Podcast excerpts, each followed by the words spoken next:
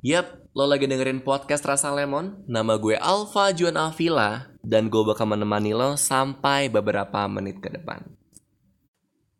Gue ngerekam podcast ini pada tanggal 12 Februari 2021 Hamin 2 sebelum hari Valentine Persetan dengan Valentine Gak tau ya, gue tuh gak pernah peduli loh sama tanggal-tanggal spesial kayak hari Valentine Bahkan tanggal jadian atau tanggal ulang tahun gitu. Gue tuh selalu lupa Selalu lupa sama tanggal jadian dan tanggal ulang tahun Bahkan untuk cewek-cewek gue gitu. Eh cewek-cewek, mantan-mantan gue gitu ya. Kayak gue tuh SMA pernah diputusin sama mantan gue karena gue lupa tanggal jadian cuy. Jadi kayak hari ini tuh ternyata enif bukan enif sih ya apa sih? Mensif ya kalau per bulan ya. Mensif ke berapa bulan gitu. Terus gue lupa gue lupa kalau nggak salah gini deh. Kalau nggak salah gue ingetnya tanggal 15 eh ternyata tanggal jadian tuh tanggal 11 atau tanggal 12 gitu. Jadi pas tanggal 12 gue diucapin happy mens mensiversary gitu kan. Kayak apa sih? Emang bukan bukannya tanggal 15 ya? gitu. Terus gue langsung diambekin gitu. Eh tahu-tahu besoknya putus aja terus yang lebih parah nih yang lebih parah tuh baru kemarin.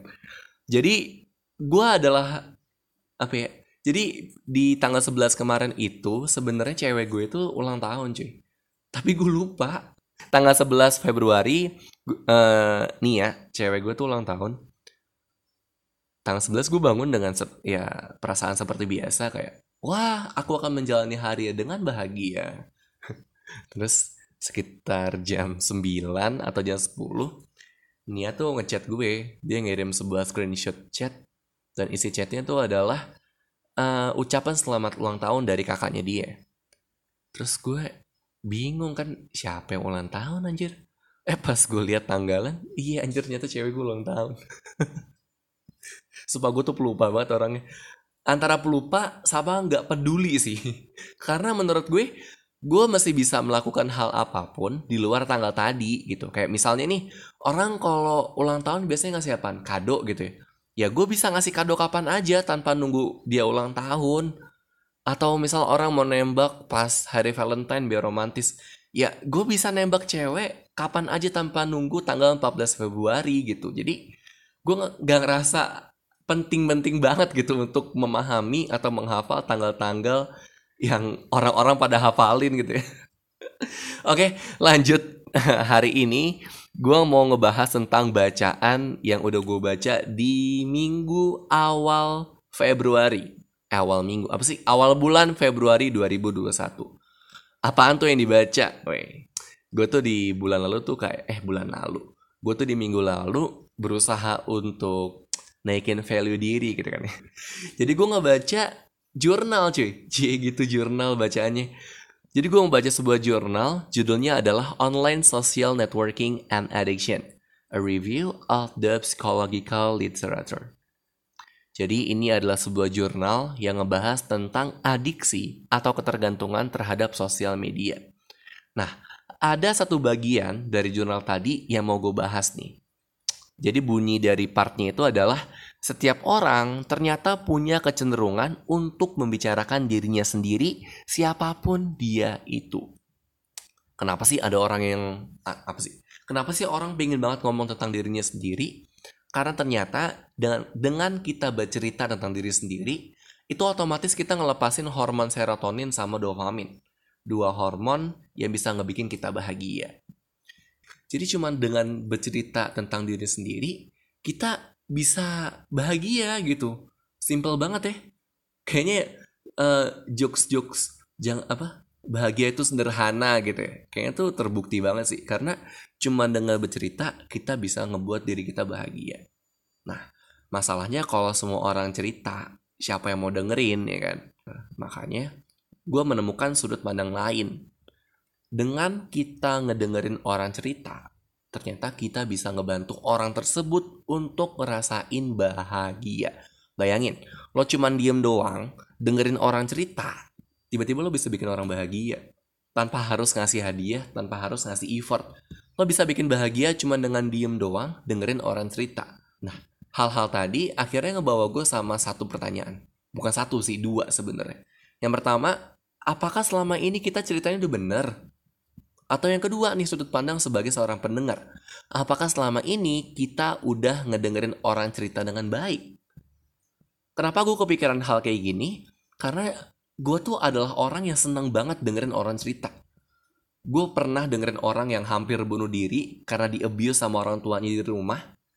Terus pernah juga denger cerita orang yang badannya lumpuh sebelah karena dia jadi korban malpraktik setelah jual ginjal. Terus yang baru-baru ini gue sering banget dengerin orang cerita kalau dia tuh ditinggal nikah sama pacarnya meskipun udah pacaran selama bertahun-tahun. Dan kalau dipikir-pikir tuh gue udah pernah dengerin orang cerita yang sedih, seneng, serem, lucu, wah semuanya ada deh kayaknya di kepala gue. Karena setiap orang cerita tuh biasanya gue simpen dan kadang gue coba untuk ceritakan kembali kalau ada case-case yang mirip kayak gitu. Nah, sebaliknya nih, sebaliknya gue juga sering banget atau seneng banget bercerita. Gue cerita tentang keseharian gue, tentang problem gue, tentang kegalauan, cie gitu kegalauan. Dan gue tuh menceritakan itu semua di blog, podcast, atau mentok-mentok gue bikinin lagu deh. Justru nih, justru gue adalah orang yang jarang.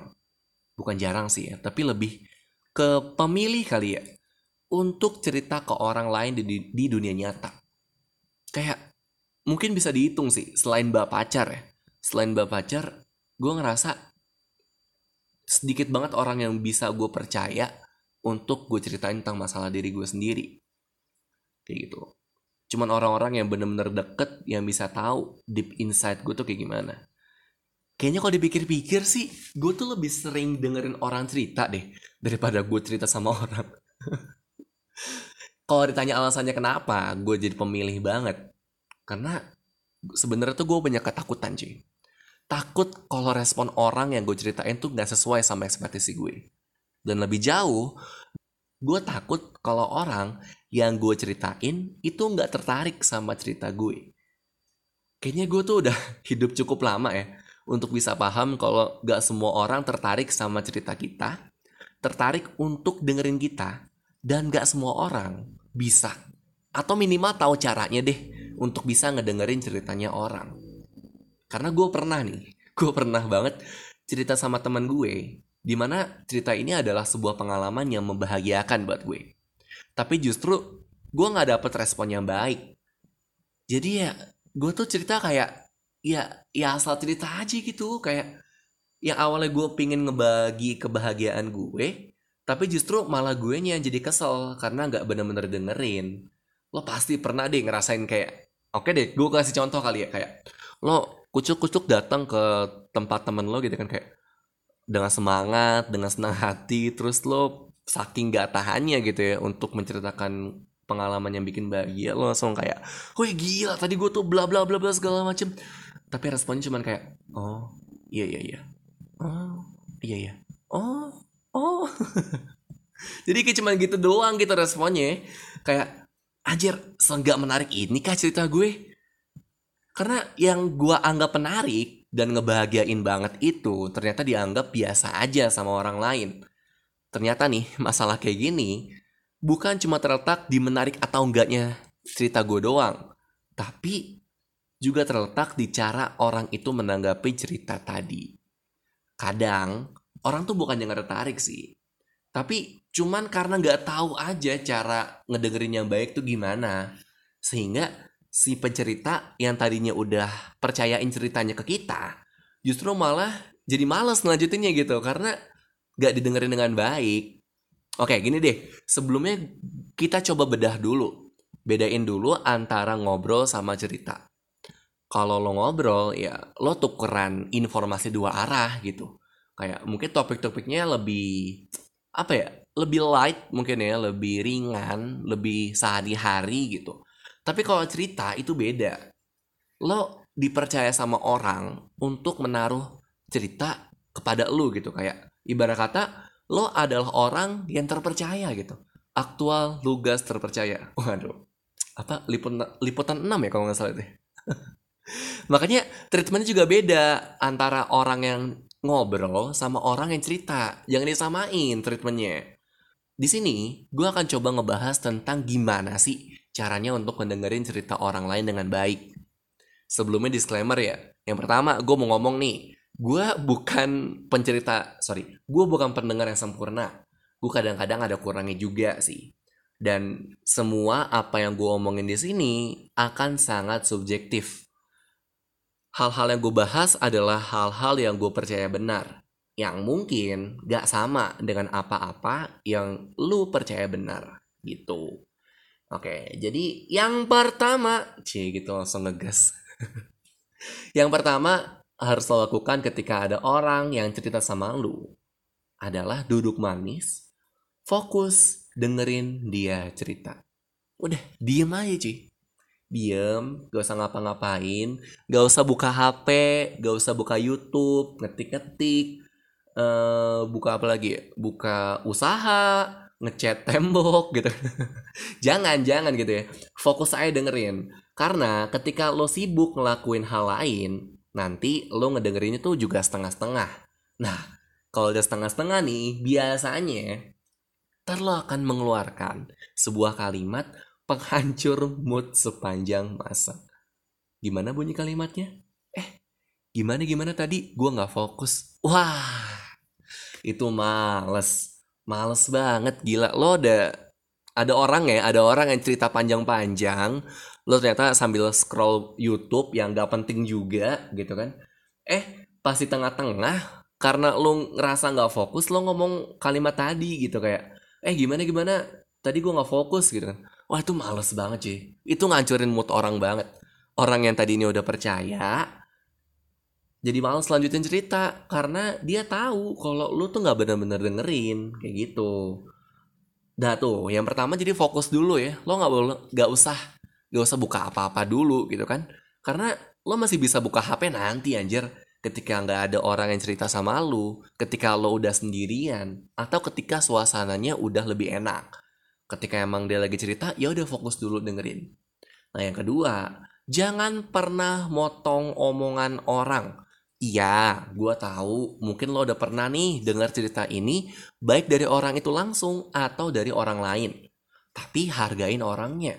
Jangan lo potong, jangan lo seakan-akan lo paling tahu, jangan seakan-akan lo paling keren gitu ya lo paling top yang lain beng beng iya tuh gue tuh mau ngurangin jokes kayak gitu tau gak sih? Nah pokoknya gitu deh. Uh, lo jangan jangan potong omongan orang dulu lo dengerin dulu. Karena kadang nih kadang uh, sudut pandang yang ada di pikiran lo itu akan sangat berbeda dengan sudut pandangnya dia. Penting banget untuk mengetahui sudut pandang si pecerita tuh kayak gimana. Supaya nanti lo akan lebih mudah untuk memberikan treatmentnya kayak gitu. Nah ini yang mau gue bilang treatmentnya dalam bentuk apa sih? Treatmentnya itu ada dua sebenarnya cuy. Yang pertama lo diem aja, yang kedua ngasih saran. Loh kok gitu sih? Iya. Gak semua orang cerita itu perlu diberikan saran. Karena kadang orang cerita cuma buat cerita doang. Cuman mau ngeluarin unek-unek doang.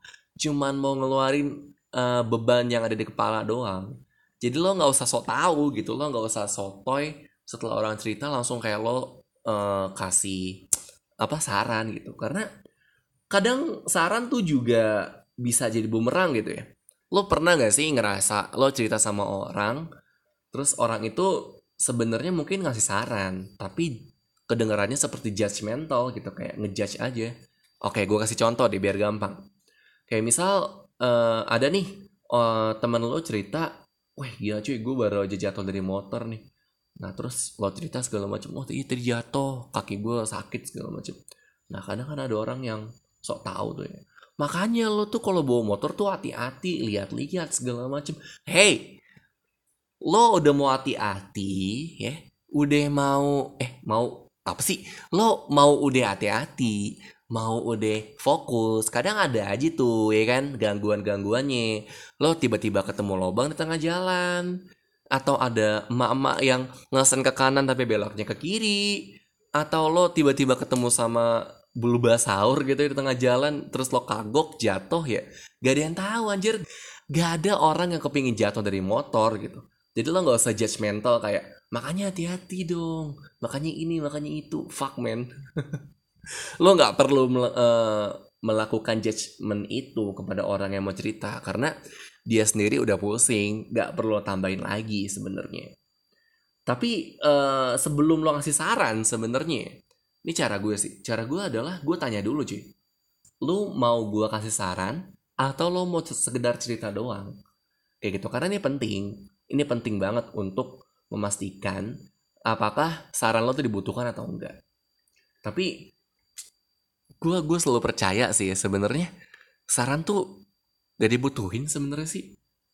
Karena gini karena gue percaya banget orang yang cerita itu adalah orang yang sebenarnya udah tahu jawabannya apa. Cuman dia pusing aja gitu. Kayak kepenuhan otaknya jadi perlu tempat buat cerita doang. Kayak gitu sih. Dan buat gue saran itu adalah sebuah afirmasi bukan sebuah sugesti gitu. Kayak misal nih lo pasti pernah deh punya satu temen yang dia tuh pacaran dan pacarannya toksik gitu udah disakitin berkali-kali udah diselingkuhin berkali-kali dan setiap dia galau setiap dia stres pasti ceritanya sama lu. Terus lo mau uh, memberikan saran ya udah sih putusin aja kalau nggak bahagia. Setelah lo kasih saran kayak gitu besoknya baikan lagi tuh si bangsat sama pacarnya yang toxic tadi. Ketika nanti ada masalah lagi, balik lagi ke lu, cerita lagi, lo mengeluarkan saran yang sama, eh dilakuin yang sama lagi sama teman lo tadi, gitu kan. Nah, ini yang penting. Kenapa gue bilang uh, saran itu adalah sebuah afirmasi, bukan sebuah sugesti? Karena pada akhirnya orang-orang tuh akan ngikutin hak uh, apa sih? Orang-orang itu akan tetap ngikutin kata hati nih cuy. Jadi kalau misal lo ngasih saran terus dipakai sarannya sama orang lain jangan seneng dulu. Jangan berpikir saran lo bagus atau gimana. Ya kebetulan aja saran lo sesuai sama kata hatinya dia gitu. Jadi nggak usah ngerasa lu adalah uh, pendengar yang paling baik gitu ya kalau udah ngasih saran tapi eh dan saran lo dipakai gitu. Karena kadang orang tuh cuman butuh afirmasi doang bukan sebuah sugesti kayak gitu. Terus apa lagi ya? Oh ini nih. Setelah ngasih saran setelah setelah memastikan lo ngasih saran atau enggak gitu ya. Yang terakhir gue sering banget ngomong ini sih sama teman-teman gue. Jangan pernah ngebanding bandingin hidup lo sama hidupnya dia. Misal gue sering banget nih denger uh, apa? Denger kasus kayak gini kayak ada orang ngeluh gitu ya kayak cuy gila gue baru tengah bulan udah habis duit gue nih udah bokek gue bingung nih ntar sore mau makan apaan. Terus ntar temennya diceritain ngomong lu masih mending wah benci banget gue kalimat kayak gitu tuh. Lu masih mending ntar sore gak tau mau makan apaan gue dari tadi pagi belum makan. Ntar ada temennya lagi yang ngomong lu berdua masih mending gue dari kemarin belum makan. Ntar ada lagi yang ngomong nih Nah, lu bertiga masih mending. Gue dari minggu lalu belum makan. Wah, tidak selesai-selesai kalau kayak gitu. Gini loh cuy, ketika ada orang yang cerita, lo gak perlu tanggepin, gak perlu lo lomba-lombaan sengsara-sengsaraan hidup gitu loh. Gue tuh paling males banget ya kalau ada orang yang apa sih ngerasa hidupnya paling sengsara gitu dan gak mau kalah gitu. Jadi gak usah lah, gak usah lu uh, apa lomba-lombaan sengsara Iya, gue paham kok. Maksud lo tuh adalah untuk memberikan kesan kalau anjir lo tuh nggak usah ngeluh, lo harusnya bersyukur karena ada yang lebih sulit dari lo. Tapi kan yang namanya kadar sulit tiap orang beda-beda cuy. Kadar sulit lo misal belum makan seminggu yang lalu. Nah, kalau ada orang yang kadar sulitnya belum bisa makan tadi pagi, ya jangan disamain. Karena kadar sulitnya tiap orang tuh beda-beda gitu. Ya kalau semisal lu ngerasa dia lebih sulit sorry kalau ngerasa diri lo lebih sulit daripada dia ya nggak usah diomongin. Gue paling benci banget sama orang-orang yang suka motivasi bersyukur ya bersyukur fuck man lo tuh nggak tahu. Lo nggak tahu rasanya kayak gue lo nggak tahu rasanya jadi gue tuh gimana gitu. Lo nggak tahu uh, tingkat kesulitan gue tuh ada di mana. Gue paling benci banget orang-orang yang ngasih motivasinya bersyukur bersyukur. Bullshit man bersyukur Karena buat gue uh, bersyukur tuh justru bisa jadi toxic positivity ya kayak ya nggak apa-apa lu ngerasa kurang ngerasa susah tuh nggak apa-apa. Karena justru itu bisa jadi bahan bakar supaya lu bisa lebih tinggi lagi daripada orang yang suka motivasi wah bersyukur ya masih untung kamu bisa begini. Ya kalau bersyukur terus itu bisa jadi lu malah stuck di situ doang nggak ke mana-mana. Karena lo patokannya cuma yang ada di bawah bukan matok sama yang di atas gitu. Jadi ya kurang-kurangin lah ngasih motivasi bersyukur bersyukur gitu. Karena ya misu-misu tuh nggak apa-apa. Lu apa sih uh, nyambat-nyambat tuh juga nggak apa-apa gitu. Karena itu perlu supaya lo tetap punya pandangan yang ada di atas kayak gitu. Jadi itu sih poinnya ya. Yang pertama adalah lo harus fokus. Yang kedua jangan motong omongan orang. Yang ketiga uh, apa tadi? Yang ketiga itu oh ngasih saran kalau diperlukan. Yang keempat itu uh, jangan lomba-lombaan sengsara karena lo nggak tahu tingkat susahnya orang tuh ada di mana. Gitu aja kali ya di episode perdana ini. Ya ini juga udah 21 menit. Gue nggak tahu mau ngomong apa lagi. Intinya adalah Ingat cerita sama ngobrol itu treatmentnya beda, oke? Okay? Buat lo yang punya ide mau ngebahas apa di episode kedua besok atau ada cerita yang mau dititip, boleh banget langsung aja kontak gue di at koyoherbal1 at gmail.com atau boleh ke Instagram gue di at lemon. Iya email gue belum gue ganti ya Nanti dia gue ganti deh gak apa-apa Oke? Thank you buat teman-teman semua Sampai jumpa.